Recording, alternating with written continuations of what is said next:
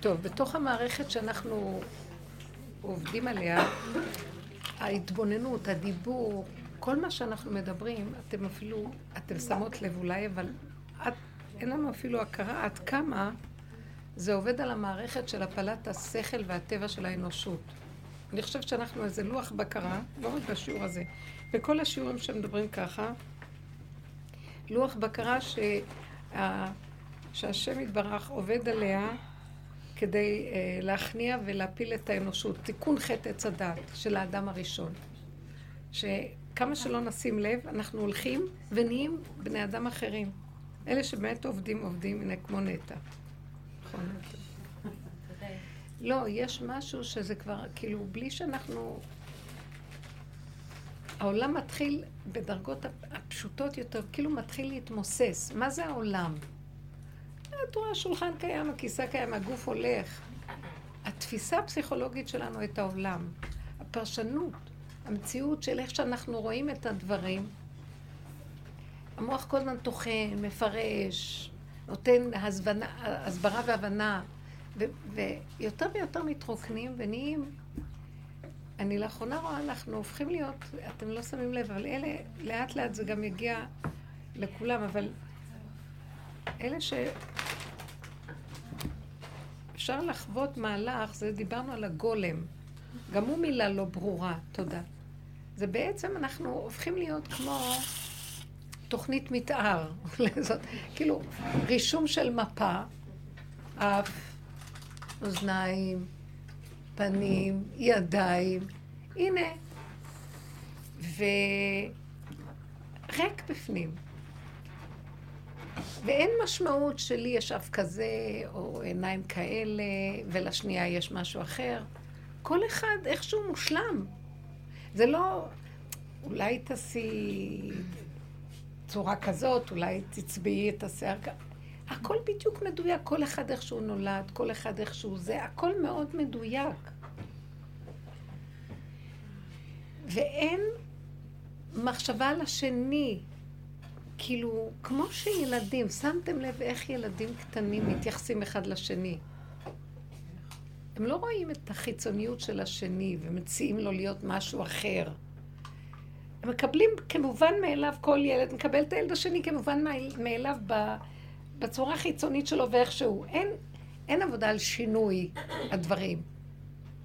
משהו נקי ופשוט, שמובן מאליו שזה הבן אדם שמולי. ואילו אנחנו בתודה של עץ הדת הולכים כל הזמן ומבקרים ושוללים ומסדרים ומעקצעים ואנחנו לא חיים עם הדבר איכשהו ככה. זה עובר דרך הביקורת, דרך המשמעות, דרך ההשגה וההבנה, וזה עץ הדת. זה העולם, הפסיכולוגיה שלו. בדרך הזאת ששמנו כל כך הרבה פנס על עצמנו, ואנחנו ממשיכים כמובן להתבונן, זה רק הופך להיות משהו כזה. פעם הייתי מתבוננת, השני הוא רק המראה שלי, זה הכלל. והייתי מאפקת לא לצאת על השני בתגובה, והייתי רואה למה אני כל כך מתרגזת על השני, כי יש לי איזו נקודה שקשורה אליי. והנקודה הזאת... והנקודה הזאת היא בעצם אה, בעייתי. אז הייתי קוראת לזה הפגם, קראנו לזה הפגם. ואז הייתי מתרכזת בו, ואז הייתי מבקשת רחמים, רוצה לעשות תשובה עליו. מפעם לפעם לפעם, כשאנחנו מתמקדים פנימה, כאשר השני והעולם הוא רק סיבות, הוא המראה שלי, מפעם לפעם לפעם אנחנו מגיעים למקום הזה שגם גם הביקורת העצמית על עצמי כבר הופכת להיות מאוד קטנה. נקודה שאני רואה, אני כבר לא מתרגשת, אני מבקשת עליה בקטן שהיא לא תפגוע בשני, תפגע בשני, אבל היא מתמוססת לי מהר. והבן אדם הופך להיות כאילו בלי תודעה על עצמו, על מציאותו, וגם לא חשוב משהו ומישהו.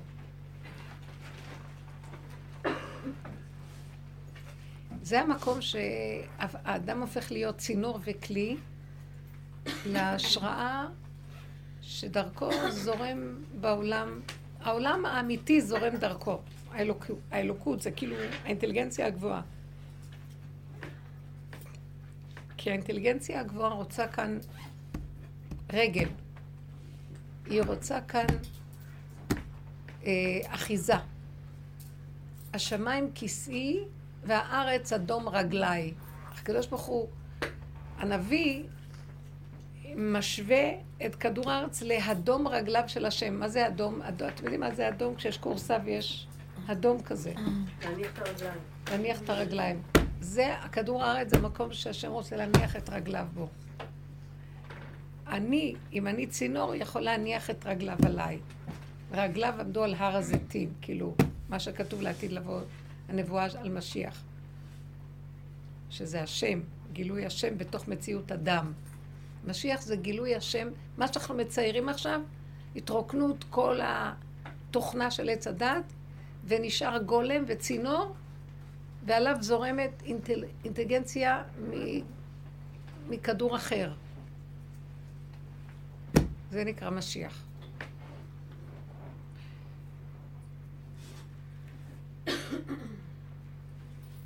האינטליגנציה הזאת שחודרת לגוף הזה יכולה, מה שאנחנו בשכל הטבעי שלנו לקרוא לזה לעשות ניסים. אבל באמת זה לא נס, הוא בא מכדור שזה הטבע שמה. הוא בא ממקום שהנס אצלנו פה, אצלו זה חוק. ככה זה צריך להיות. אבל אנחנו ברובד נמוך, ולא פועל עלינו החוק שמה, עד שלא נכין לו כלי. אז למעשה קצת נתתי השקפה מה הדרך הזאת עושה אם אנחנו מתעקשים איתה. וכל פעם שאנחנו רואים איזה שטח אצלנו לא כבוש, מה הכוונה? שאנחנו בו במצוקה ולחץ ומתח, שזה שפת העץ הדת, אז אנחנו יודעים שפה יש עבודה. זאת אומרת, פה מקום שצריך לרוקן, לפרק, אה, לנפות, למוסס, עד שהמקום הופך להיות כלי, ועוד שטח נכבש לקדושה, לאמת, לאינטליגנציה העליונה. זה בעצם מה שעושים פה. זה מדע האמת. פה, בכדור הארץ, בתוכנה של עץ הדת, שזה מה אנחנו קוראים לו כדור הארץ, תוכנת עץ הדת, אין אמת. זה הכל שקר. אבל השקר, מאחוריו מסתתרת האמת. זאת אומרת, הוא פוטנציאל לאמת. אנשים כל הזמן מחפשים את האמת. איפה היא נמצאת? אין מה... תפסיקו לחפש. תסתכלו רק על השקר, בואו נסתכל רק על השקר. זאת אומרת, המצוקות מראות לנו. אם אני לא מצטדק וזורק את המצוקה על השני מכוח האנרציה, שאני לא יכולה לסבול את המצוקה אצלי, ואנחנו צריכים לסגל לעצמנו כוח שיכול להחזיק את המצוקה ולהכיל אותה, ולא לפ... לא לזרוק אותה. כי זה... נכון שזה נראה לנו בוץ, אבל יש בפנים יהלום. וזה, התרגול הזה, זה כאילו השקר. אם אני מתעקש, אני מתבונן בו לעומק, מפרק אותו, הוא מתהפך לאמת. נהיה התמרת אנרגיה. נהיה מצב של מהפך. ואותו דבר שלילי מתהפך, זה גם לא שלילי, אותו לכלוך מתהפך לאוכל. אותו פסולת נהיה אוכל. אז יש כאן משהו מעניין מאוד. אני כל הזמן הייתי שואלת, מה, ריבונו שלם, מה היית צריך לברוא עולם שפל שכזה? מלא כאבים, ייסורים, מלא לכלוך חומר, טינוף יש פה. אז התשובה תמיד הייתה, הדרך הזאת מביאה את הבהירות לתשובה. מתוך, כי יתרון האור הבא מן החושך. אני רוצה שתוציאו את האור שיש בתוך החושך. כי למה, מאיפה יש בחושך אור? החושך הוא אור יותר גבוה מה, מהאור. סגין האור. אה? סגין האור. סגין האור. הוא סגין האור. נכון, יפה. הוא, הוא עיוור. איך קוראים לעיוור? שיש לו הרבה אור. זאת אומרת, החושך מצד אחד מאפשר שמאחוריו מסתתר אור מאוד גדול. אז צריך להתעקש להוציא את האור שיש שם. אז מה, אנחנו לא עובדים על האור אבל. אנחנו עובדים רק על החושך. ומהחושך נהיה... את מתעסקת עם החושך, ופתאום נהיה אור. אבל מאוד קשה לגשת לחושך, אנשים מבוהלים ממנו. בתודעת עץ הדת אנחנו מאוימים מהמצב הזה של שלילה, של חושך, של פגם. של... לייצר ראיית לילה או להדליק הנה, עכשיו רק רגע אחד נחבא, ראיתם מה היה פה? ישר נהמה. הרבנית כתוב יוצר אור ובורא חושך, נכון? עכשיו, לפי העולמות שיצירה ובריאה, אז לכאורה החושך בא במדרגה יותר גבוהה. שמה? כתוב יוצר אור ובורא חושך. כן. עולם היצירה ויש עולם הבריאה. יוצר אור ובורא חושך. הבריאה היא יותר גבוהה מעולם היצירה. אז לכאורה לנו נראה שהחושך, איך יכול להיות שחושך הוא במדרגה יותר גבוהה? אז האם זה נכון שהחושך הוא יכול להיות חושך למי שלא יכול להיות באור של החושך? סליחה על הפרסום. כן, כן. כבר אין לי מוח, לא הבנתי מה. אה, אני מתוך מה... כתוב ככה, יוצר אור ובורא רע. כך כתוב בנביא. בנביא ישעיה כתוב יוצר אור ובורא רע. עכשיו, בתפילה, אנשי כנסת הגדולה תיקנו את זה אחרת. יוצר אור ובורא חושך. אז בעצם, ברגע שהוא יצר את האור, מאחוריו מסתתר החושך. והחושך הוא בריאה יותר נעלה מהאור, זה מה שאמרתי עכשיו. למה? למה? בראשית ברא אלוקים את השמיים ואת הארץ, והארץ הייתה תוהו ובוהו וחושך על פני תהום. עד כה אין לנו בריאת אור בכלל, אין לנו יצירת אור. ויאמר אלוקים יהי אור. למה הוא אמר את זה? אה? למה הוא אמר? אני לא שומעת טוב, כי אני לא רואה טוב. למה הוא אמר יהי אור? למה הוא אמר יהי אור? כי מתוך החושך נוצר האור. עכשיו, הוא ברא את הבריאה התשתיתית שהיא כוללת הכל. אחרי זה הוא התחיל לפרק ולהוציא ממנה. זה כמו שהוא ברא את האדם ואחר כך הוציא ממנו את חווה.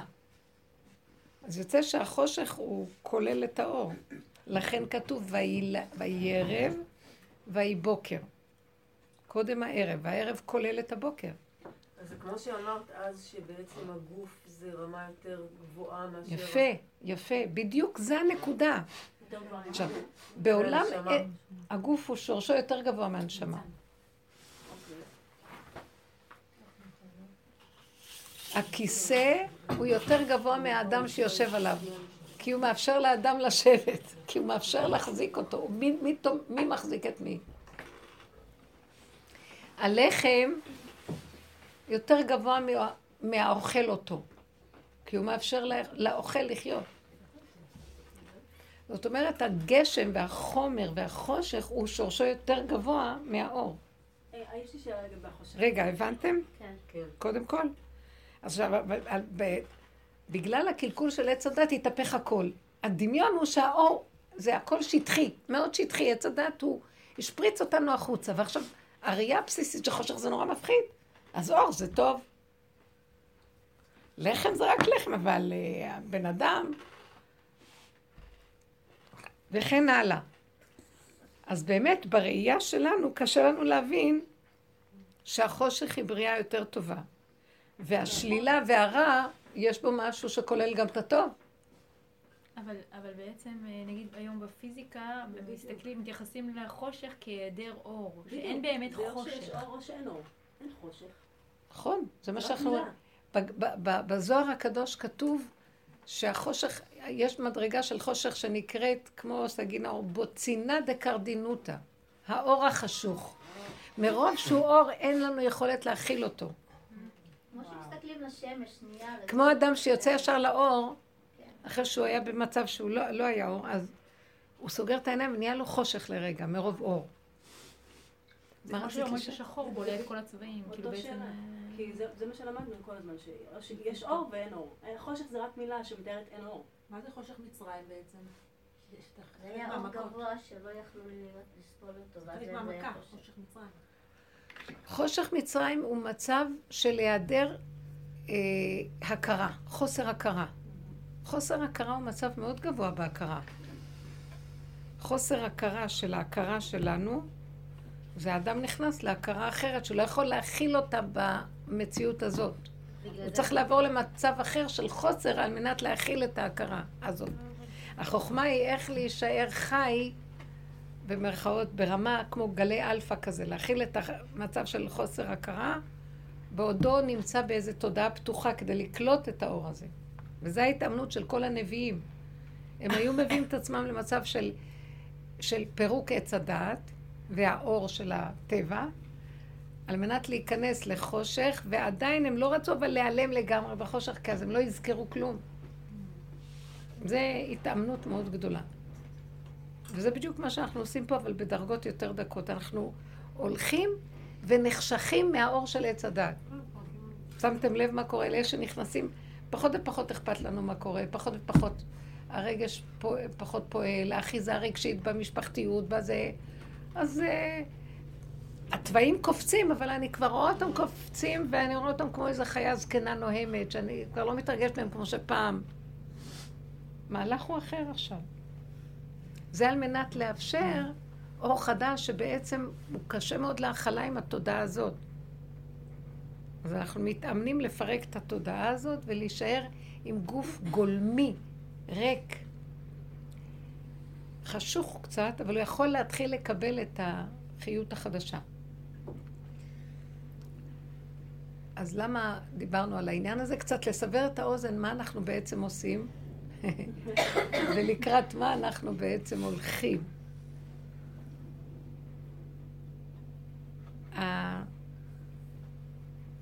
המהלך הוא שעץ הדת מפריע לנו להגיע לתודעה האמיתית, הגדולה, האמת, למציאות של אמת. ואנחנו בעצם שייכים עם איזה פסאודו אור שמדמה שהוא כאילו מבין, יודע, יש לו אמת, והוא שטחי, עד כדי אימה וחרדה, טיפשי. אין בו, אין בו אנרגיה כמעט כלום. במדע סתם אומרים שאנחנו משתמשים ב-25% מהאנרגיה המוחית שלנו בעצם. זאת אומרת שאנחנו נמצאים בתת תרבות, לעומת. כל הדמיונות שיש לנו בכדור הארץ, שאנחנו הגענו לוואי, איזה תרבות מפותחת אנחנו. בגלל שמה, כאילו, יש לנו, הדעת יוצרת, אה, במדע, יוצרת במדע מכונות ודברים, אז נראה לנו שאנחנו מאוד מפותחים. אז אם אני מסתכלת על עצמי, אם כל מה שהמדע יכול היה לעזור לי שאני אבנה איזה מכונה שתיקח אותי לחלל, אני לא רואה איזה, אני לא רואה את ההתפתחות פה. למה שאני לא אוכל עם הגוף הזה לעלות לחלל? שמתם לב? למה אני, כדי שאני, אני מסתכלת לפעמים שאני אוכלת.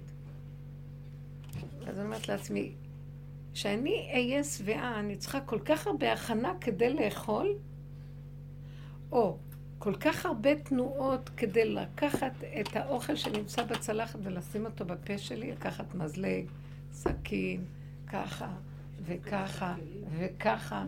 זה מאוד מגושם. הגוף הזה הוא מגושם. אפשר היה להסתכל על האוכל ולחיות מהאנרגיה שלו בלי כל המהלך הזה. הריח הוא בסוף האסנס הכי דק, אבל בסופו של דבר יש מרכיבים שמהכוח האנרגטי רק אפשר לחיות מהם, אם היינו מכווננים, נכון. אז אנחנו קוראים לזה, וואי, יש לנו מזלג וסכין, איזה התפתחות יש פה בכדור הארץ. במהלך אחר. זה באמת מאוד מאוד מפליא שאנחנו נכנסים למכונית והיא מתגלגלת על גלגלים והיא מגיעה. זה פלא. אבל בסופו של דבר, היה מה שנקרא קפיצת הדרך, שחכמים הם משתמשים במהלך הזה.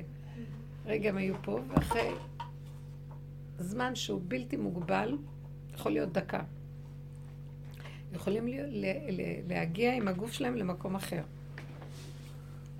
אז אני קוראת לזה חוכמה. למרות שאנחנו אומרים שהגוף יש לו שורש גבוה, אבל תבינו מה הכוונה השורש יש לו שורש. בתוך הגוף יש מרכיב שאם היינו משתמשים בו, לא היינו צריכים להזיז את הגוף בכלל, הכל היה מגיע עד אלינו, ולא היינו עמלים, ולא היינו צריכים להפעיל אותו בצורה הכל כך מסובכת שנה, שאנחנו מפעילים אותו היום.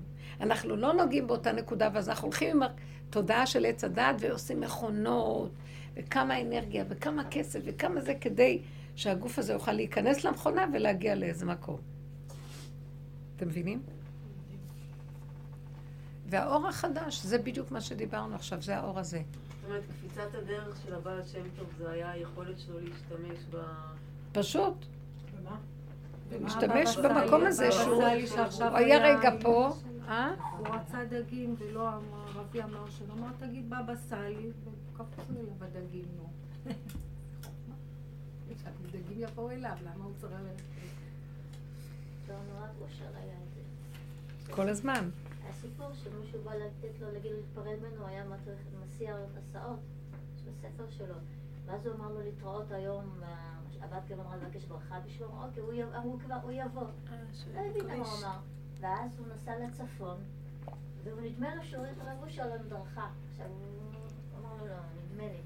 הוא לא, הוא לא התייחס, ואז בסופו של דבר לא הייתה ברירה, הרב אושר רצה לעצור אותו בסכנה, הוא עמד לו מול האוטובוס, ואז הוא בלם. ואז אוטו עבר, זאת אומרת, הוא מנע ממנו, מישהו עבר באדום, הוא היה נכנס בו. הוא פשוט עזב את הטיול, הוא הלך לשם לראות אם רב אושר נמצא איפה שהוא ראה אותו בבוקר, ואז איך שהוא בא, הוא חייך אליו, הוא- אז הוא... זה בדיוק אותו. אז העבודה שלנו זה להגיע לנקודה הזאת, שאת אומרת, כאילו, ככל שאנחנו... לא, אני לא מכוונת לזה. אבל ברור שזה פועל יוצא. אני לא מכוונת לזה, אני מכוונת שאני לא רוצה לחיות בתודעה הדפוקה של פה. כי אני רואה שהיא מכאיבה לי.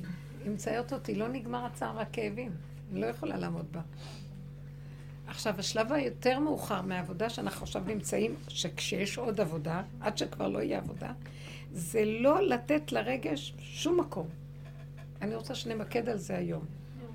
זאת אומרת, שאפילו אם יש לנו איזה רגע של משהו, מדברת לי, את הרגע הזה מפיגה. תמיד אנחנו אומרים שיש לנו איזה חרדה, תפיגו אותה בדיבור.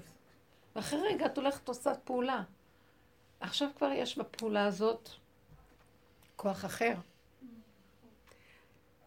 הכוח של המוח שלנו, בצורה איך שהוא עובד, הוא יוצר את המהלך הזה של הסגירה. סוגר עלינו. מחליש אותנו, איבדנו את האפשרות. הוא בוחר את המקום הזה. תגידו לי, אתם חושבים שהאדם יכול רק לחיות 80 שנה? או בוא נגיד 120 שנה? זה המקסימום שהשם יכול היה לברות בעולמו, שאדם יחיה 120 שנה. היו דורות שחיו אלף שנה. אז מה קרה? יש משהו שהזינו בו, את המוח מוזן עד 120. יש איזה גזרה על המוח, משהו שתקעו אותו שם, כאילו שינו את הקוד. ועכשיו העבודה היא שאנחנו נשנה את הקוד בחזרה. יש כזה דבר. שאפילו אם אנחנו יוצאים עם הגוף, זה, הגוף הזה לא משמעותי, לא מתים. ויש, שאנשים חיים בגוף הזה ומתים גם בגיל 40. מה? זה תלוי במוח. אנחנו פירשנו את הנקודה הזאת, שימו לב איזה יופי זה, שאנחנו אומרים, טוב, הכדור הזה, כבר אנחנו רוצים לצאת מפה. לא, בתוך הכדור הזה יש את הכדור, את הכדור הכי גבוה. זאת אומרת, האנרגיה היותר, אינטליגנציה יותר גבוהה, השורש שלה בתוך השקר דווקא, בתוך הגוף של העולם הזה. בתוך, השור... בתוך הענפים של עץ הדת, אם יורדים לשורשים, שם זה שורשי עץ החיים. באותו עץ. יש, יש ביטוי שאומרים, בעיטה אחישנה. אני השם בעיטה אחישנה, ישעיה. וחז"ל אומרים במסכת סנהדרין, זכו בעיטה, לא זכו אחישנה. לא, לא זכו בעיטה וזכו אחישנה. אז אנחנו מתבוננים ואומרים, אני התבוננתי בזה, אני מסתכלת ואומרת, רגע, רגע, וואי, אף פעם לא זוכים פה. אף פעם, איזה דור כן אפשר היה להגיד, טוב, זכו והגיעה הגאולה. אף פעם לא זכו. גאולת מצרים זה לא מצד הזכות של עצמם הייתה. לא היה להם שום מצוות. כלום, הם היו עבדים, 80 אחוז לא עלו איתם בכלל. מלא כופרים היו. השם ריחם עליהם מתנת חסד וחינם. אנחנו מסתכלים ואומרים, אז מתי כבר יהיה המקום הזה זכו? שבאמת באיזה זכות שלנו אנחנו מגיעים למקום. אז יום אחד נקלט לי בפשטות, בגלל הדרך, שהבעיטה, בוא נגיד, מה זה בעיטה? על פי טבע. סיבה ומסובב. מה שנקרא חוק ההסתברות. עשו ככה, התוצאה תהיה ככה. לאט לאט מגיעה ככה. אבל גם זה אף פעם לא מגיע, כי אף פעם זה לא מגיע, גם בעיטה. אז מה אנחנו רואים? בתוך הבעיטה יש אחישנה. אם אני הולך בטבע עם החוק שלו, אבל אני מתבונן בו עד הסוף, עם הפגם, ויודע שאני תקוע, אני תקיעות. תודעת עץ הדת אומרת, אני תקוע, אבל אני יודעת שזה רק התודעה תוקעת אותי, ובאמת, זה לא מחויב המציאות שזה יהיה ככה. זה רק הסבך של הדמיון, אבל בשורש זה לא חייב להיות ככה, מתגלה שם הזכו. אחישנה. מתגלה אחישנה. זאת אומרת, אם אני עומד ואומר, דלת ברזל, וואי! אז אומרת לעצמי, תעלי את הפחד להשם, כי זה רק הדמיון שלך ש... שאת לא יכולה. הוא יכול. הכל יכול לקרות ברגע. תתעקשי לא לתת לתודעה הזאת להשתלט עלייך. זה לא מחייב המציאות. אני לא יודעת אם אני אכנס, אבל לפחות דבר אחד אני כן יכולה לעשות, לא לתת ממשות למהלך הזה. לגבי התוצאה אני לא יודעת. אבל אני לא מוכנה לתת לכוח הזה להשפיע עליי ולהביא אותי לאבדון של חרדה ואימה. מה דעתכם? שם אנחנו כן יכולים לעבוד על זה. זהו. מאחורי זה מסתתרת אחישנה. מיד נהיה, יש מהפך ונהיה משהו אחר. נמצא שאין שני דברים. יש טבע ויש נס. הטבע הוא נס, והנס זה טבע גם. השם אחד הוא שמו אחד. מה זה שמו ומה זה השם? שמו זה הטבע של השם. הטבע זה שמו. והשם, ההוויה, זה האור שבתוך הטבע. זה הבעיטה וזה החישנה. שמו. כמו שאת אומרת, את רואה את הכוס? מה, מה זה? שמו כוס. מה זה? שמו צלחת. זה בייגלה. זה פלאפון. יש לו שם, לכל דבר יש שם. השם של הדבר זה הטבע של הדבר, המהות שלו בתוכו יש את האחישנה. בתוך השם יש את המהות של הדבר. אבל השם של הדבר, הוא עכשיו אומר לי... מה זה אחישנה בתוך הכוס? איך? לדוגמה, מה, כאילו להמחשה, מה זה אחישנה בתוך הכוס? הכוס עומדת פה? מה מחיה את הכוס שאני אוכל לראות אותה שהיא עומדת? כתוב, כי לא על הלחם לבדו יחיה אדם, כי אם על כל מוצא פי השם. אם לא היה המאמר של השם בתוך הלחם, החיות האלוקית בתוכו, לא היית רואה את זה עכשיו עומד. זה היה מתנדף באוויר. זאת אומרת, אם יש לי פחד, יש שם השם. למה נותן מקום לפחד ולא להשם שבתוך הפחד? מה זה השם שבתוך הפחד? לסבר את האוזן, פחד זה אנרגיה מזעזעת. היא חזקה מאוד. מאיפה הירק הזה חי? מאיפה המילה פחד חיה? זה דחף, זה כוח יצרי מאוד גדול. זה אלוקות, זה אנרגיה עצומה יש בפחד. גם בכעס. כעס זה אנרגיה מזעזעת. זה כוח אלוקי. אבל מה אני עושה? עץ הדת אומר לי, כעס, פויה. לא, כעס. אם הייתי באמת מתאמנת, הייתי אומרת, כעס. פחד! נשמע הזוי. כי עץ הדת כל כך מאומן, הוא שטחי כל כך שהוא... הדבר האחרון שהוא רוצה זה שיהיה לי איזה תועלת מהמציאות. הוא רוצה שאני אתאבד, שאני אמות, שלא יהיה לי... הוא שונא אותי, הוא מבקש להעביד לי את האפשרות לחבר אותי לה, להוויה, לקושר, לקשר האלוקי. הוא רוצה טבע בלי כלום. הוא שונא את השם, הוא לא אוהב, הוא נגד השם ומשיחו. הטבע שונא את המשיח. הוא האויב הכי גדול של משיח. אבל הטבע זה קוד. אז משיח אומר, יש בטבע פוטנציאל אדיר, חבר'ה, הוא מלמד אותנו את הדרך הזאת, דרך אגב. זה, זה, זה, זה, זה אינטליגנציית משיח פה. אז הוא אומר לנו, חבר'ה, אל תפחדו מכלום, זה רק נדמה. אל תיתנו ממשות לדמיון. תחזיקו. אל תתרגשו. אל תתרגשי מהרגש. אל תתרגשי מהדל ברזל. אל תתרגשי מהקרחת שצועק לך, למה את נותנת לעד לאכול? והיא עונה לו, ומתרגזת עליו, ומצטדקת.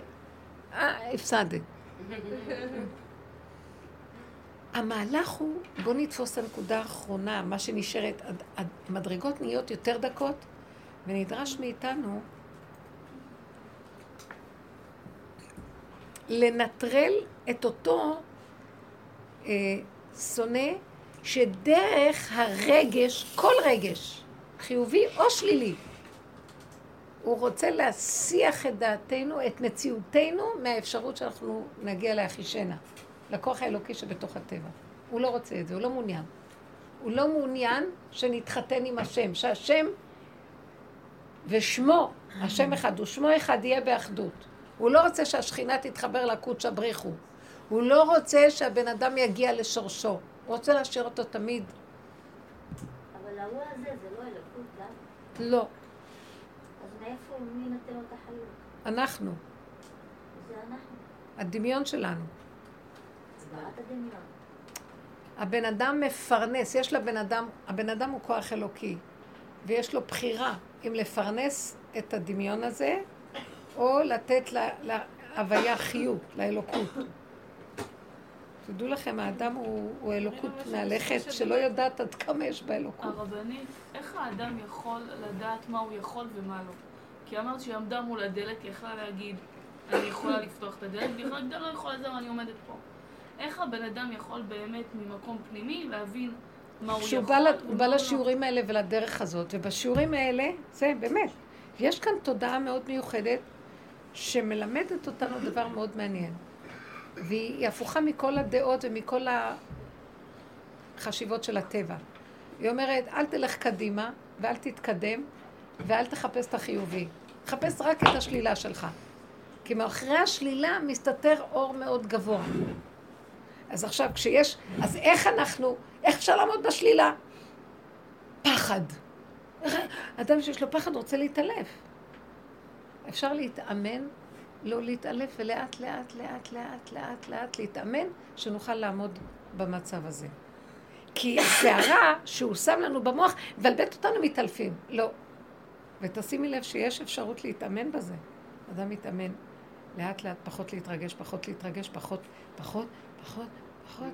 ואז הוא ניגש ומסתכל על הפחד, והוא אומר, אין דלת ואין ברזל. החרדה יוצרת מציאות כל כך גדולה. בני אדם, אני בעצמי פעם, ממש ראיתי את זה. אני, מרוב, אני לא זוכרת מה זה, אם זה היה תנועה של חרדה או כעס או מה, אבל אני הייתי בטוחה על איזה נתון שאני רואה אותו. ומישהי לידי אמרה לי, לא היה כזה דבר שם, זה סתם את אומרת. אמרתי לה, אני מבטיחה לך שראיתי. לי, לא היה. לא זוכרת מה זה היה, אני זוכרת שפשוט היא הוכיחה לי שזה היה הדמיון שלי. והייתי עמומה ובסוף הודיתי שזה היה הדמיון שלי, הוא יצר את המציאות הזו. מרוב פחד. לא זוכרת מה זה היה, כעס או פחד. לי היה חלום שביום, בליל שבת הזה, היה לי חלום שאני נמצאת באיזה עורבת סוסים. כן, באיזה עורבה, אני לא יודעת מה, מה, מה היה שם, והיו שם כאלה בחורים עם אה, פרי, אה, כאלה, עם תווי פנים מסוכסים.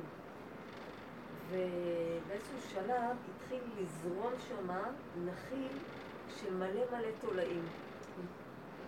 המון המון תולעים, והם לוקחים את התולעים האלה, הם מרימים אותם ביד, ופתאום התולעים האלה הופכים להיות סוסים.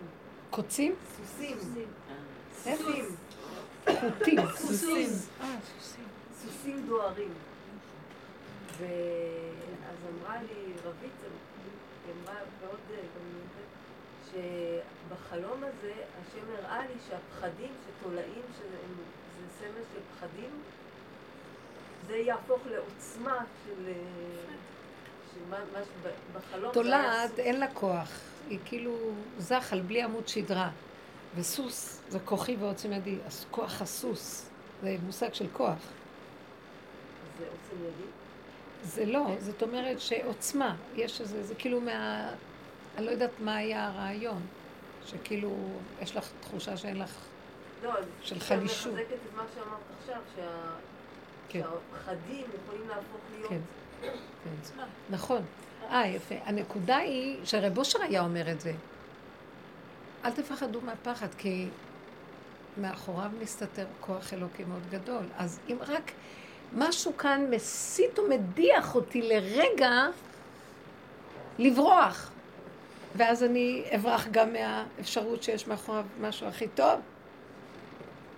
אז כל העבודה העיקרית בתחילת הדרך שלנו היה איך לקנות את יסוד האיפוק, יסוד ההכלה, לא לצאת על השני, לא לצעוק, לא לזרוק, להכיל, לעמוד. זה קשה.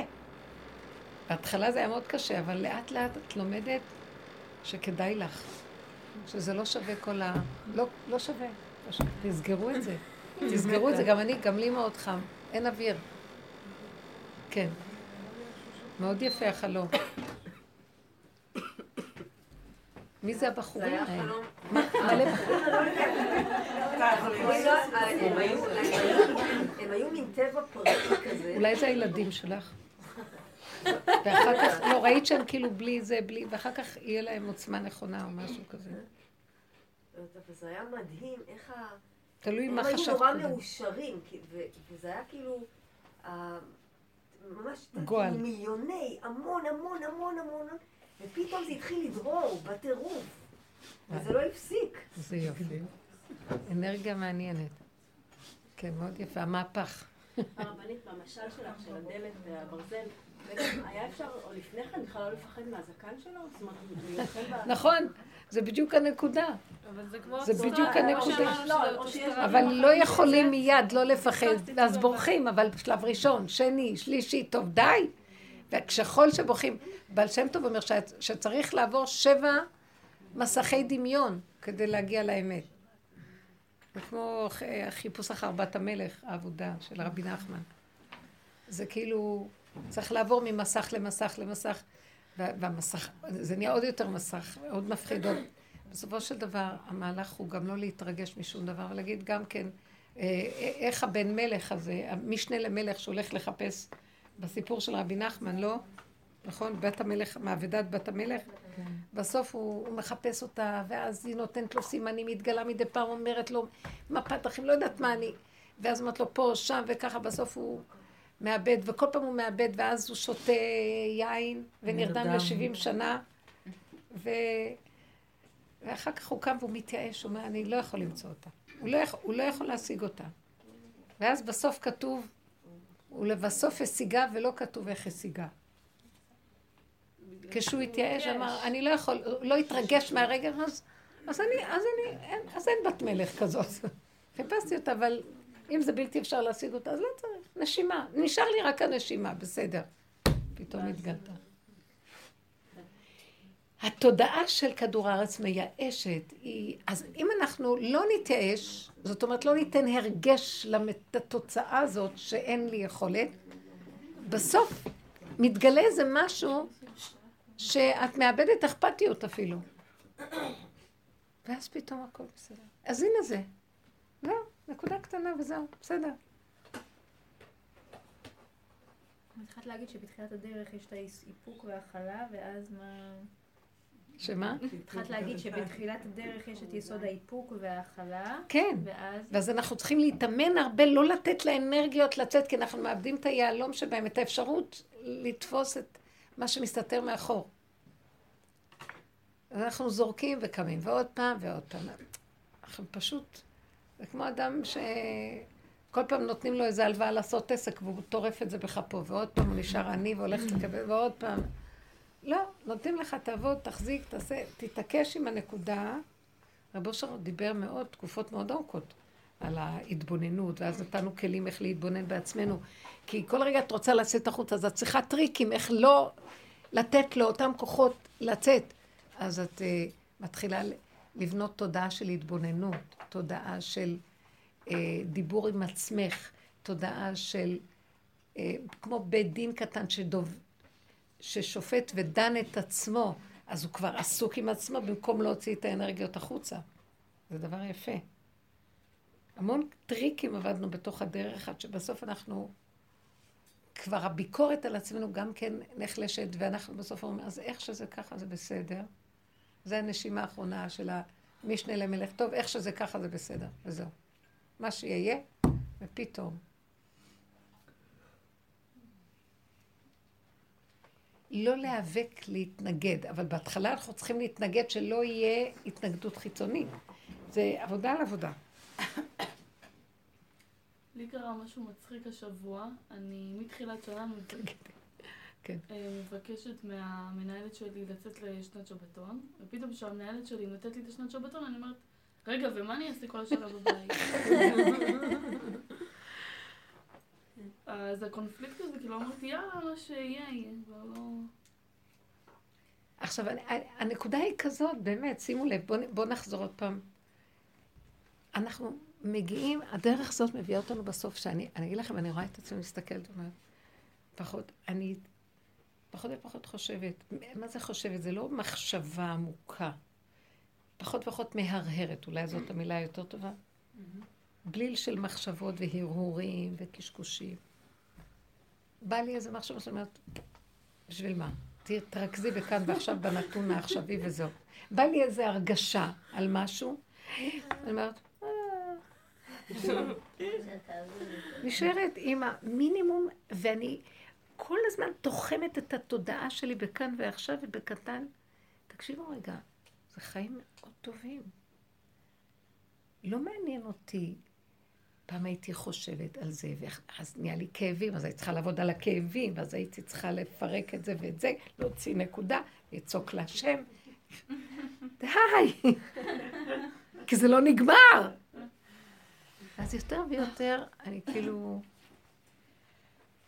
בתוך משהו הווייתי קטן, פשוט, מתוק לו בפנים, טוב לו גם בדלת אמות שלה בחוץ, כי הכל קטן וגדול והוא מתחדש כל רגע. התודעה של עץ הדעת נופלת, ולא חסר דבר. זה חוק מדהים. הוא לא מחושבן, אין חשבונאות שם. רבותיי, נפלה החשבונאות. אמרת לעצמי, טוב, היה לי איזה אה, מחשבה שאני צריכה איזה סך של כסף להביא למשהו שאני מחויבת לו. ואז אמרתי, טוב, אז אני אלך ל... לאיזה מקום ואני אנסה להשיג. בדיוק באה, דפקה בדלת מישהי, אמרה לי, תראי, חייבים עזרה באיזה מקום, את חי... אני חייבת מישהי שתלך לאיזה שעתיים לעזור שם, כי המצב שם מאוד מאוד גרוע. תעשי לי טובה, לכי. ממש לכי, מוכנה ללכת לשם לאיזה שעתיים. ואז אני הייתי על סף ללכת לאיזה מקום, שאני צריכה להוציא, להביא משם כסף. אם אני אלך לאותו מקום ואני אעשה שם איזה פעולה משהו, אז ייתנו לי כסף למה שאני צריכה, כן? הייתי צריכה את הכסף, ופתאום היא באה, זו הייתה סיבה כזאת, ופתאום אמרתי, ריבונו של עולם, מה אכפת לי איך הכסף יגיע? אני צריכה לעשות איזה פעולה, נכון? רציתי ללכת לעשות את הפעולה הזאת. עכשיו אתה רצית שתהיה הפעולה הזאת, אני הולכת לפעולה הזאת. לא רוצה לחשוב חשבונאות. אז בבקשה ממך, אני אלך לזה, ואתה תביא לי את הכסף דרך זה. תביא לי מה שאני צריכה דרך זה, מה אכפת לך? זאת אומרת, אני לא עושה חשבונאות, גם אתה אל תעשה איתי חשבונאות. כי לפי החוק של החשבון, זה וזה יביא זה. ואז גם הוא הולך איתי, כי בדרך שאדם רוצה ללך, מוליכין אותו, ובדומה בדומה. השם צילך את ימיניך, את מחשבנת, הוא יחשבן לך. אמרת לו, אני לא חשבנתי איתך, אתה רואה, אני הלכתי, לא מחשבנת. מה אכפת לי? אני אזרק ואני אעשה פעולות. מה אכפת לי לאיזה כיוון הפעולות? הלכתי עד לשם, מרימה אליי מישהי טלפון, ומכאן לכאן היא אומרת לי שיש לה איזה סך של כסף שעומד אצלה, והיא לא יודעת מה לעשות איתו בינתיים, אם אני מוכנה לקחת, יש לי איזה גמח שאני עובדת איתו, אם את מוכנה לשים את זה בגמח, אמרתי, אז תתני את זה לי עכשיו. אליי היא הביאה את הכסף. פשוט. היה כל כך פשוט הכל. וראיתי, אמרתי לו, אבא, ככה אני רוצה. אני, מה אכפת לי? אני לא רוצה לעשות יותר חשבונות. עם הסיבה, ואני עושה את מה אכפת לי במאמץ יהיה זה או זה או זה. אתה יודע מה, אני צריכה, תביא עד אליי את מה שאני צריכה, תיקח אותי לאן שאתה רוצה, מה אכפת לי כלום, יותר לא רוצה לחשבן.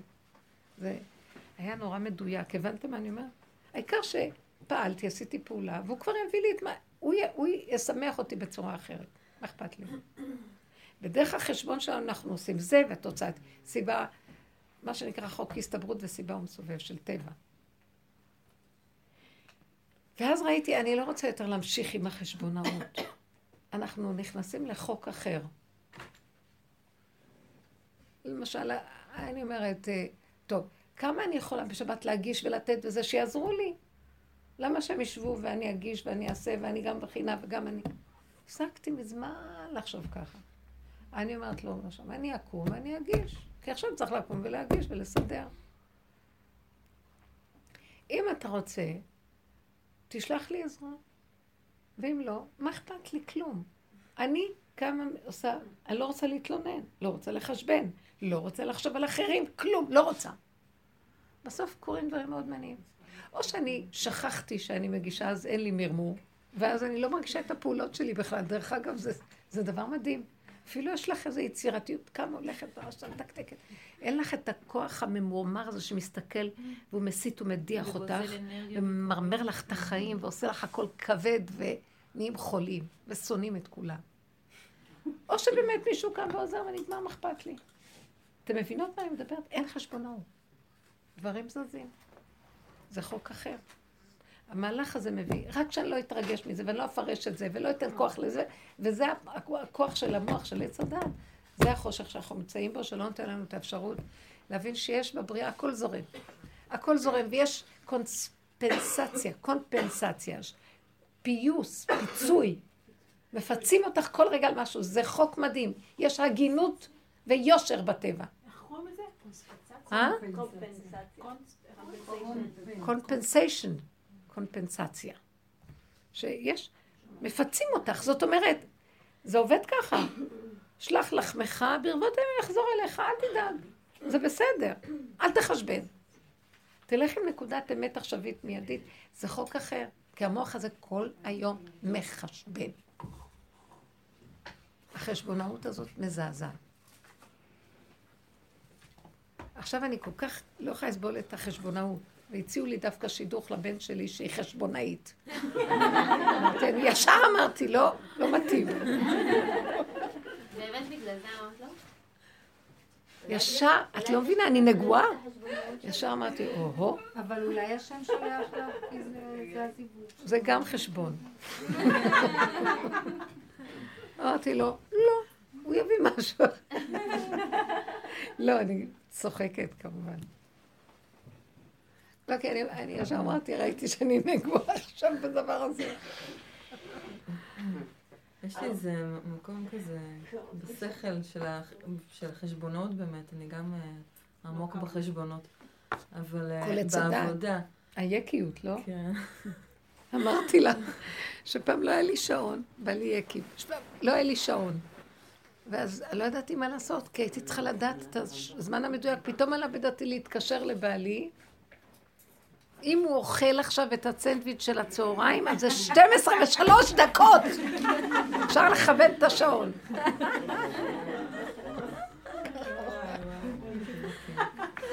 הכל מדויק. לא, אבל אני, יש לי. מחשבות כאלה בהקשר של העבודה. שאני כאילו, המוח שלי עושה חשבונות, שאני, שאומר לי, רגע, אבל אם את אה, תעשי את העבודה הזאת, את בעצם כאילו מאמנת את עצמך, ואז כאילו יביאו לך ניסיונות יותר ויותר קשים. בגלל שכאילו, כמו שלהבדיל אלפי הבדלות, אה, צדיקים שכאילו ביקשו, ביקשו על עצמם ניסיונות. ניסיונות, ניסיונות וזה בשביל אה, לעבוד. אז אה, כמובן שזה לא המצב, אבל לא, זה המוח של עץ הדת חושב על העבודה. מבינה? זהו. המוח של עץ הדעת מנסה לצייר ציור כאילו הוא בעבודה. אין כזה דבר. לא, מה שדיברת מקודם, מה שדיברת עליו מקודם. כן, זה חשבון של עץ הדת, כאילו. כן, זה חשבון, אבל זה עוד פעם, אז זה סתם, זה, זה כאילו, זה לא, דמיונות, אין כי בזה באמת, אמת. החוק, יש חוק כזה. יש חוק הפיצוי, הקומפנסציה הזה. כן. או מה שנגיד, אם אדם מתאמץ, נזרק על איזה דבר ומתמסר לו, גם עכשיו ישלחו לו בחוק האמת שיתמסרו אליו כשהוא צריך משהו. אבל רק? אם הייתה סיבה שהביאה לזה, לא? איך? לא- רק אם הייתה סיבה, לא שהוא התנדב לדבר, אם הייתה סיבה. בדרך כלל אדם כזה עובד עם סיבה. כן. כן. לי- כי גם מי שיעבוד ככה, בלי חשבונאות, הוא כבר שייך לחוק הסיבות. הוא לא אחד ש... כי אם אין לו כוח שקופץ ויוזם. יש משהו שבתוכו שמוביל אותו. אתם מבינים?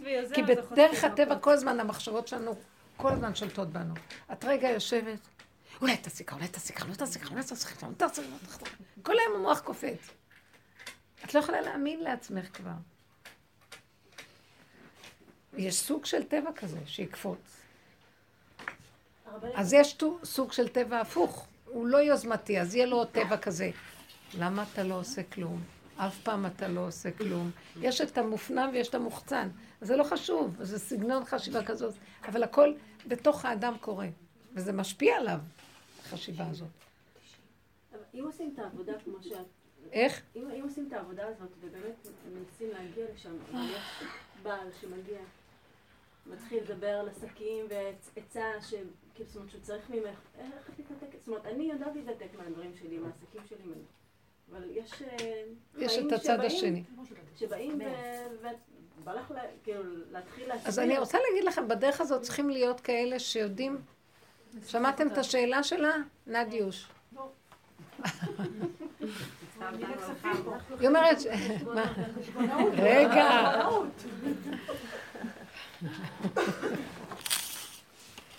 תראו, אה, מי שהולך בדרך הזאת, ואם הוא מתמיד איתה, זה נורא יפה. הוא צריך אבל להיות חזק ולהתמיד איתה. נופלים קמים, נופלים קמים, נופלים קמים, שבע יפול צדיק וקם. כמה? רב אושר היה אומר טליארד פעמים. אז בסופו של דבר, החוק האלוקי יספק שגם אלה שמסביבך ייכנעו ויפסיקו לבלבל לך את המוח בטבע ולהשפיע עלייך. מבטיחה לך, פשוט תתייאשו ממך. או גם את משפיעה על החשיבה שלהם, הם כבר, הם כבר הולכים למקום אחר.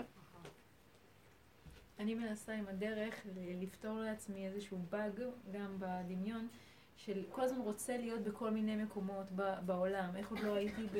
ב... עוד לא ראיתי את זוהר הצפון, ואיך עוד לא הייתי באנטארקטיקה, ואיך עוד לא הייתי בסין, ואיך עוד לא הייתי... ואני כל הזמן... באמת איך לא? נכון. ובפרדס חנה, בפרדס חנה היית פעם? פרדס חנה, היית שם פעם? אז, מה קרה לי? לפני איזה שבועיים הוצאתי משהו מהפריזר ושמתי את זה מתחת לברז והמים התחילו להפשיר את זה וזה קרס פנימה כמו קרחונים, ש... כמו שרואים בתמונות בענק, פתאום זה היה ב... כן, זה, לא, זה כאילו כמו, ב- מהמקרו זה הפך למיקרו. ואז אמרתי לעצמי, למה לא צריך לנסוע רחוק? הנה התופעה, כאילו, מה אני רוצה להרגיש שם? כאילו, מה אני, מה, ניסיתי להבין, אוקיי, אני רוצה להגיע למקום הזה, כי מה אני רוצה להרגיש כשאני רואה את הדבר הזה? מה חסר לך? כאילו, מה פה התמצית של, ה, של הרצון הזה, של, של ה... לא רק הנדודים, גם ה, לחוות את, ה, את הסוג חוויה הזה. ואז לנסות אה, אה, כאילו להתחבר לדבר הזה ול- ולנסות להרגיש אותו בלי לנסוע לשם. נכון, הכל יש כאן בדלת אמות. אז אה, ממש. תפתחי את הפריזר ש- רגע. כמו ארץ ישראל. הייתי באנטארקטיקה. לא שם- לא יהיה לך אני- כל זה- כך אני הרבה אוכל כמו פה. אני לא יודעת אם זה רע, כאילו, אה, זה רע לרצות להיות במקומות אחרים, זה רע לרצות אה, ל... ל- ל- לא. לא, זה לא רק כלום, אבל אז זה אני דמיון. מה מוביל אותך? הדמיון מוביל אותך. אני לא יודעת אם זה דמיון, אולי זה אני משהו אגיד לך ישר, אולי לא-. מובן שמאחורי כל דבר יש... זה לא חופש, זה הבעיה. מאחורי כל דבר יש כולם אמת. לא, לא אבל האם מבפנים. לא, האם מבפנים, אז זה- זה זה ממקום אמיתי או זה ממקום מדומיין? איך אני יודעת אם זה ממקום אמיתי או ממקום אני מדומיין? מבטיחה לך שזה מדומיין. אני אגיד לך למה. למה? כי את צריכה לקום וללכת. יש נקודת אמת אחת קטנה, ועליה מתלבש הרבה הרבה הרבה דמיון. זה עץ הדח הסבך של היער הזה, של הענפים. הנקודה היא שאיך את יכולה לבחון את זה? אנשים נוסעים למרחקים. אני זוכרת שאני הייתי נוסעת, היה לי מוסד, הייתי נוסעת להתרים, היה לי מוסד של בנות וזה, והייתי מגיעה. ואיזה, איזה, לפני שאת נוסעת, איזה התרגשות ואיזה זה. אחר כך הייתי שמה לב, את מגיעה, נכון? היית חושבת, נו, מתי כבר נגמור ואני אחזור. הרבה פעמים, כן, היית רואה איזה נקודה, אבל זה רק לשנייה אחת. מיד המוח, הטבע, עוד פעם, גם שם אוכלים, גם שם ישנים, גם שם אנשים מתהלכים, גם שם זו אותה אדמה, הכל. ואז הייתי רואה כמה דמיון יש סביב הנקודה, שאפשר היה בעצם באותו מקום לעשות אותה. אפשר גם היה לעשות אה, מגבית בשכונה. הייתי צריכה לנסוע עד לשם. כי ראיתי שיש לי דמיון שרוצה לנסוע. והוא חושב שזה יותר מעניין. זה לא נכון. זה מלאה אפילו, המון טרחה, המון נסיעה, המון הוצאה כספית, המון... יש דברים מעניינים שרואים. אני אגיד לך את האמת, מה הייתי רואה? שהייתי רואה, הרגע הראשון הוא תמיד נכון ואמיתי. אחרי זה המון דמיונות, את כבר לא מרוכזת במה שאת רואה. יש לך מה שנקרא, אה, אה, איך קוראים לזה? קוראים לזה רפלקס מותנה, או שאפשר לקרוא לזה מילה יותר מדויקת.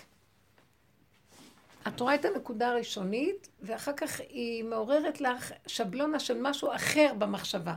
את לא רואה את הדבר בעצמו, חוץ מהרגע הראשון של הדבר. אסוציאטיבי, בדיוק. את, את כבר מאבדת את הנקודה שאת רואה, ואת מתחילה להיזכר בזה וזה וזה וזה. המוח מאוד מבולבל, את לא יכולה להתמקד במה שאת רואה. ואת יכולה גם פתאום לראות שזה נמצא בדיוק, אותו נוף נמצא גם במקום אחר, בארץ ישראל או באיזה מקום אחר, שגם ראית אותו. הכל אותו דבר. בשביל זה כל הטרחה והריצה. את נוסעת, ל- היו הרבה פעמים מצבים שאת אומרת שאם את תסגרי רגע את העיניים, את לא יודעת איפה את נמצאת. אני זוכרת שמישהי התקשרה אליי, וש... שהיא בדרך כלל אה, קרובה אליי, ופתאום היא התקשרה איזה בוקר אחד ואומרת לי, תנחשי איפה אני. אמרתי לה, לא יודעת, בשכונה שלך. אמרתי, לא, אני בניו יורק. אמרתי לה, מה?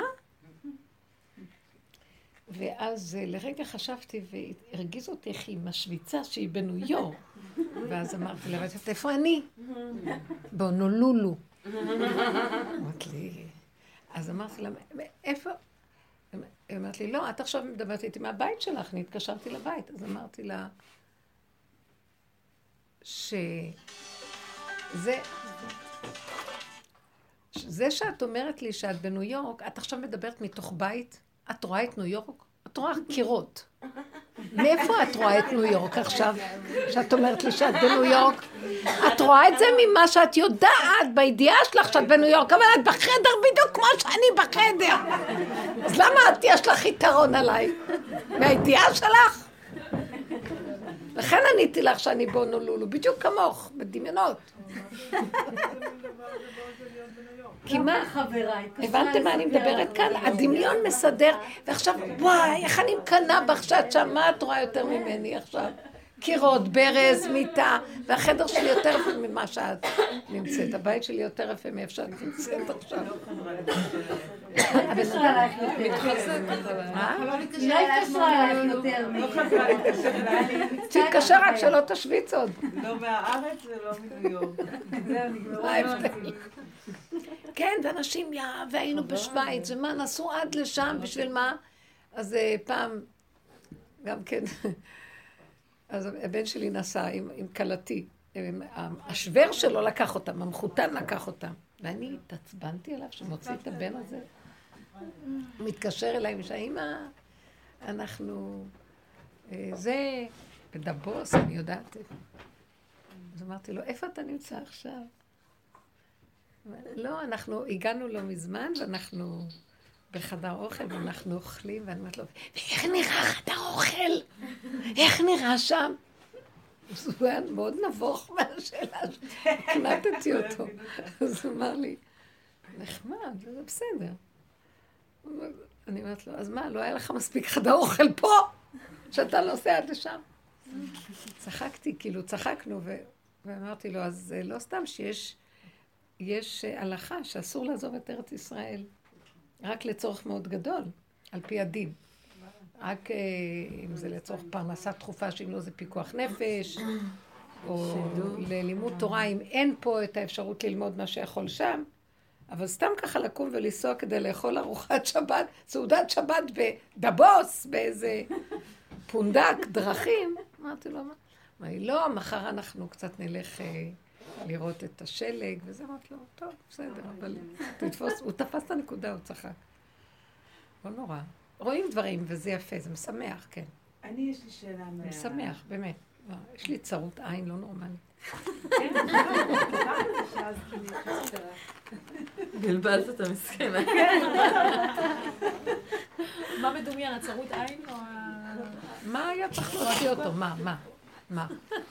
קורבן עולה. מה, יצחק לא יצא מחוץ ל... נו? לא, לא. איך אנחנו אה, יוצאות רציתי לשאול משהו פשוט, יחסית לכל השיעור הזה, כן, מהחיי היום-יום שלי הבוקר, שהבן שלי לא רצה לקום. מה הוא? לא רצה לקום, ואני הייתי חייבת לצאת. והוא אמר לי, "ת- תצאי מהבית, אני רוצה את הבוקר לבד, כשאת תצאי אני אתעורר. עכשיו, אין לנו טלפון בבית, אין לו טלפון משלו, הוא אה, כבר באיחור לבית ספר, ואנחנו מאחרים גם כרונית, כרונית לבית ספר, אז לא... עם כמה הוא?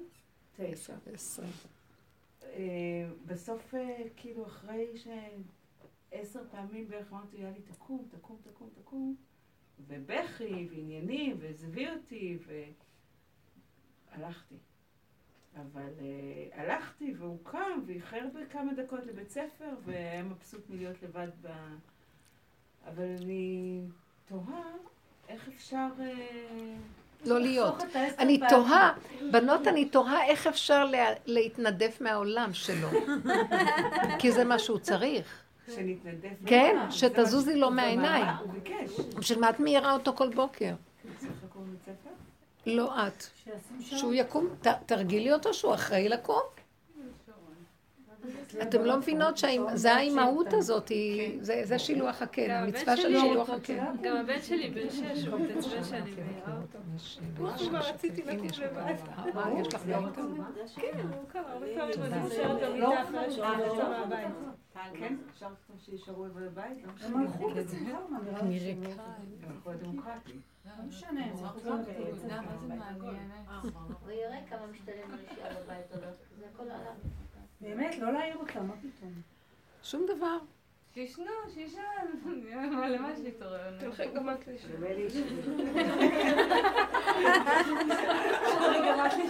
כבר את לישון. תשאירי אותו, לעצמו. מה? הוא צריך בעצמו לקום. ואם הוא לא קם פעם, פעמיים, שלוש. שהמורה תיתן לו על הראש, מה את צריכה נכון, על את הראש? תנטרלי, תנטרלי את מציאותך, זה לא עניינך, זה עניין שלו, ת- ת- תלמדי הוא בן אותו. תשע, הוא גדול, הוא יכול לחיות. יכול ללכת לעבודה במקום... עדיף ככה. את עובדת מחוץ לבית, לא? אז עזבי את הבית. בסוף, עזבתי את הבית. בסוף, בסוף. אז למה את תוהה כל כך? לא. אמרת, אני תוהה. מה היא גם צריכה? כי להשאיר אותו לבד בבית, למה בלי לבד? טלפון, בלי כלום. בלי כלום, בלי כלום. בלי מפתח גם, תנעלי עליו את הבית. שיצא מהחלון, שיהיה לו אתגר. איך? תהיה כמו האימא הזאת שסיפרת לנו עליה, הרבנית. איזה אימא? שיש לה, ברוך השם, מספר ילדים, והיא פשוט לא מתרגשת מכל ה... כן. יש לה חיים, גם הביאה אותם לעולם, וגם הכל מסתדר, דברים... תראו, העבודה בסוף תביא אותנו על הנקודה שבאמת, האמת שכל... אה, הדור הזה הוא מאוד קשה בגלל הישות והאינטליגנציה של, של התרבות המפותחת של עץ הדת. אז כולנו חושבים, האימהות הפכו להיות ממש מטרד. הילדים, הם הורסים את הילדים שלהם, וההורים, ההורים, כי הם משפיעים המון, נותנים לילדים, ויש להם הרבה רגשי אשם, אני לא יודעת מה יש לנו. דור מאוד מסובך ומטומטם. הילדים פעם, בגיל מאוד מאוד קטן, הם תמכו בהורים גם. מגיל קטן קמו ועזרו ונתנו יד, והמהלך היה שהיה להם, הם נשאו בעול החיים מגיל קטן, וזה בנה אותם. זה התרבות של העולם הקדום. תרבות- תרבות של- לא- הילדים לא שואבים שם את ההורים, הם פשוט מביאים תועלת מגיל צעיר. זה לתועלתם של הילדים. אה, זה בונה להם את המקום הזה של ה... אה, בני, הבנייה התבגרות, זה מבגר אותם לקחת אחריות. כן, וגם נותן להם סיפוק מתוך, במקום הזה. גם לפי הדרך צריך לפחד מהרחבות האימהית. איך? אני אומרת ש... אה, מהניסיון שלי, שאני... אז אה, אני כבר מפחדת מהרחבות האימהית שלי. מאוד. בדרך שלנו מחטיפים לנו על המקום. הפוך הולך לנו. מה זה רחבות? חורבן. חורבן נהיה לנו אם אנחנו מדי מתרחבים. טיפה אפילו. אני טיפה משהו, אני כבר... טוב, טוב, טוב. עכשיו כשנסעתי, אה, לא ידעתי אם הבת שלי עדיין לבד או לא. וחשבתי להתקשר אליה, ואז אמרתי, לא, נפלא. אתה תדאג לה. כן, לא מתקשרת. נפלא. אני נהנית מהדיבור שהוא- הזה. אתם לא מבינים. אני פוחדת. אלף פעם אני אומרת לעצמי, אני אעשה, הטבע שלי רץ קדימה, אני אעשה ככה, הוא יוזמתי, אז הוא קם. ואז הוא אומרת, לא. תניחי את החלל הזה כדי שהוא ייכנס, תבקשי. ריבונו שלם, אני חייבת לעשות פעולה כדי שיהיה, זה טבע, אז איפה אתה? תתעקשי שהוא יתגלה. שחררי את האימהות, במקרה הזה. ותכלס באמת אני לא... אני צריכה להביא טלפון הביתה. למה לא צריך צריכה- טלפון? לא צריכה למה שום צריך טלפון, למה טלפון? כדי לנדנד מה לו? להתעורר? מה, מה יקרה עם הטלפון? לא רוצים... לא, העניין של עבודה, בואו נחזור עוד פעם ליסודות הראשונים וזהו, ההתכווצות פנימה, בנות. הדעת צריכה לרדת וההרגשים שלה. מה זאת אומרת, הדעת הפרשנות וה... נכון, את רואה אותו לא קם בבוקר? את יכולה פעם אחת לנסות. לא, ישר להתקשר עם בורא עולם. ההתנגדות הראשונית שבאה לנו מהעולם, אנחנו צריכים להחזיר אותה להשם. פעם היינו נלחמים עוד ועוד עד שחוטפים מכות, ואז מבינים שהשם רוצה מאיתנו משהו. לאט לאט זה נהיה כל טיפה של כוח מנגד שסותר אותי או משהו, ישר אני רואה בזה אתה מחפש אותי. למה אתה מחפש אותי? למה נהייתי יותר ויותר דקה? כי הוא אומר לי, אחרי כל המכות האלה את עוד רוצה לחטוף כמה וכמה? אז אני לא רוצה להחטיף לך, אני פשוט רוצה להתגלות על עולמי, ואת הכלי שדרכו אני מתגלה. אז uh, הוא מתגלה, הלוא הוא באוויר כל הזמן, אבל הוא צריך כלי להתגלות. אז אל תפריעי לי. אז ישר אני רואה, אני מפריעה. הילד משדר לך, את מפריעה להשם להתגלות עליי. את מפריעה לי לחוות את הקשר שיש כאן במציאות, שהוא, שהוא מהווה את הכל והוא נותן לי חיות. את במקומו בשבילי, אבל אני רוצה אותו. זה חשוב מאוד. ברור שיש מקום לאימא ויש מקום לכל דבר, אבל מזמינים אותך להיכנס, ולא אנחנו כופים את עצמנו. החשיבה החדשה, שהיא מאוד לפי, יש לכל דבר זמן ומקום, אבל היא קטנה. רב אושר כל הזמן היה אומר, מה ההבדל בין האלוקות לטבע? שהאלוקות היא קטנה, והטבע הוא נורא גדול. זאת אומרת, אני יותר ויותר רואה ש... שהשם הוא נורא קטן. זאת אומרת, ככל שהדבר יותר עוצמתי, הוא יכול להת... להתקלל בדבר יותר קטן. יש לו את אותה עוצמה, תכניסי אותה בכלי יותר קטן. זה מין אה, כזה מבוך, בוא נגיד, משחק כזה מעניין. קחי את כל הכדור הזה עכשיו, תכניסי אותו, בוא נראה אותך מכניסה את זה לתוך הצינור הקטן הזה. וזה מעלה מאוד גדולה. אז אה, זה אתגר לאלוקות. כתוב, מלך אסור ברהטים. מה יפית ומנעם תאווה בתענוגים. שהקדוש ברוך הוא, יש לו, הוא מתאווה להיות אסור בכלי הקטן. הוא גדול והוא רוצה כלי קטן, ואנחנו קטנים ורוצים להיות גדולים. הכל הפוך כזה. וייתן כאלוקים, כל הזמן הדמיון רץ, אם יגידו לנו את כלום, אנחנו ישר נמות מרוב כאבים. ונהיה מאוימים מאוד. לא, אני כלום. את רוצה את האלוקות? אז תסכימי לקטן. ושם הרב אושר גילה את האלוקות. שהוא יכול היה מהקיר להוציא דולרים. כי אם התגלה אלוקות, שום דבר לא נבצר ממנה. אבל צריך להיות קטנים בשביל זה, וזה שחיטה. בשביל האדם בכדור הארץ להיות קטן. זאת אומרת, באותו רגע לא להיות אימא. זה שחיטה. את רוצה להיות אימא, ולהעיר אותו, ולסדר אותו, ול... לא, צאי החוצה. תראי, אם לא היה התנגדות, היית אומרת לו, והוא היה קם, אז, אה, אז הייתי אימא. אבל יותר טוב שמתנגדים לך, ולא רוצים שתהיי אימא, ואז פה מתגלה כוח, אפשרות של כוח יותר גדול. מבינה? שתעשי את זה או שתפסיקי לבוא לשיעורים.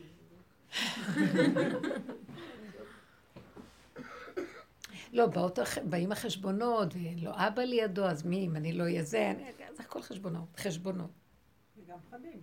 אה? גם פחדים. פחדים, חשבונות, חשבונות זה כולל כל הדברים. זה כל התוואים והמידות שנכנסים לגדר הטבע. פחד הוא יסוד הטבע. אבל לקחת אותו ולהעלות את הפחד אליך. וכל הזמן להישאר בנקודה של אני לא מכילה, אני לא יכולה להכיל, לא רוצה, להיות יכולה. לא רוצה להיות אימא. אני מוכנה להיות אימא אם אתה נמצא בתוך התפקיד ואתה עוזר לי. אבל שזה מלחמות, לא מוכנה.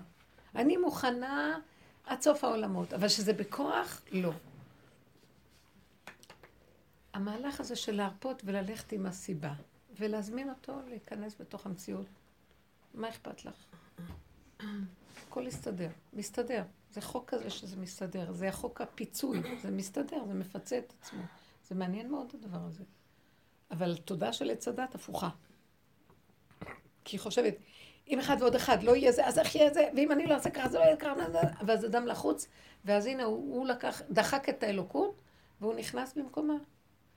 מסכן הנבח הזה, כאילו יכול להכיל משהו בכלל. הוא מתחרה באלוקות כאשר אפילו בלי, לנשום הוא לא מנשים את עצמו. מאיפה, מאיפה שיהיה לו את העזות הזאת להתחרות בכלל? כי יש בתוכנו איזו תוכנת דמיון של כאילו אנחנו יכולים. מבינים? זה וייתם כאלוקים. זה כל הקלקול של, ה, של הכדור הזה, של הפסיכולוגיה של הכדור. ההדמיה הזאת שלא נגמרת. אז זה יוצר את כל הכאבים. במשפט, איך יודעים מה ההבדל בין אמת לדמיון? הלחץ. שאת לא, את לא כאן ועכשיו רגועה. תדעי, את נוסעת לחוץ לארץ, את לא יודעת, אבל תן לי מחשבה טובה. הגעת לשם כבר לא נוח לך, את רוצה כבר לעשות משהו אחר, כבר אין לך סבלנות לזה, את כבר רוצה לנוע לפה. אז איבדת את האמת. הכל התחיל מנקודת אמת, תמיד זה מתחיל מאיזה נקודת אמת, אבל היא נגנבת על המקום. האמת, היסוד שלו זה כאן ועכשיו. היחידה הקטנה של הזמן ושל המקום ושל הנפש. הנפש היא היחידה הרוחנית הכי קטנה. זה נקרא עולם שנה נפש, עשן. והר סיני כולו עשן, מפני כבוד השם. זה הסוד של העולם שנה נפש. שהאור האלוקי מתגלה ביחידה הקטנה של החוק של כדור הארץ. זמן, שזה הכאן, הרגע הזה, העכשיו, במקום, זה לא שם, זה לא שם, זה כאן, ובנפש יש מדרגת שנה, אה, נשמה, רוח, ומדרגת היחידה. זה נקרא נפש, המקום הקטן, היחידה הקטנה של החלקיק של הנשמה של האדם. שם מתגלה אלוקות. אפילו לא בנשמה. בנשמה מתגלה דמיון האלוקות. כי הנשמה היא גדולה. וכשאנחנו מגיעים לחלקיק הקטן של הנשמה, שזה ביחידה, שהוא בתוך כאן ועכשיו, העוצמה של האלוקות זה האור הגנוז ממש. וזה לכן אמרו שהאור שיש בגוף הוא יותר גבוה מהאור של הנשמה. אני רוצה לספר סיפור כן. מסבתא של חברה שלי. כן. וואי, אני צריכה לצאת כי יש לי רכבת. לא, לא, תספרי את הסיפור. אה, זה ככה, זה... אה, היא ממש נפטרה לא מזמן, ואישה בת 95, ככה באמת הראיתי לילדים של את החברה שיצאה, כי אני הכרתי אותה. זו זקנה מרוקאית שהיא הייתה מארחת הבבא סאלי, אז מבינה את ה... כאילו פשטות. פשטות, פשטות, פשטות, תמימות, תמימות, ושמחה כזה, כמו שיש, שמחה. וישועות מאוד גדולות שעוברות. אני מברכת, ו... אז היא סיפרה לי פעם, וזה גם כתוב בחוברת, אז ככה קראתי את זה, ואמרתי לה, יש לי נטירות, זה החוכמה, בדיוק זה החוכמה שאנחנו מחפשים, כאילו, באמת, לחיות בפשטות, בפשטות. לדעת לעשות את זה, זה חוכמה ענקית. אז אז באה הנכדה יום אחד, והסבתא הזאת שככה, היא מדברת ערבית, אבל... מדברת עם השם. היא לא מבינה בכלל מה שמדברים סביבה והכל בסדר, אבל היא רק מברכת והכל טוב, הכל, הכל נהרה כזאת, כמו ילדה קטנה כזאת רזה ורוקדת בתשעים, רוקדת בכל השמחות של החברה שלי, אני רואה אותה עם הטס הזה על הראש, היא הכינה וזה. אז פעם באה הנכדה, ואז היא אומרת פעם אחת שהיא כעסה והיא כעסה והיא צעקה לקדוש ברוך הוא, כאילו, אמרה, אני לא יכולה, אני לא מסכימה, אני, אני רוצה לראות אותה השנה מתחתנת. תוך, תוך יומיים הכרתי את בעלי הצדיק. ככה היא אמרה לעשות. כן, כאילו, כעס, אבל מתוך כלי ריק. כעס כן. מתוך כלי ריק. כאילו, אני לא יכולה יותר. אני לא יכולה יותר, מסתכלת עליה, אני לא יכולה יותר, השנה היא מתחתנת. הגבוליות, הגבוליות. שאנחנו דיברנו עליה, כשאדם הוא גבולי ויודע שאין לו אפשרות אחרת, זה הגילוי גם כן.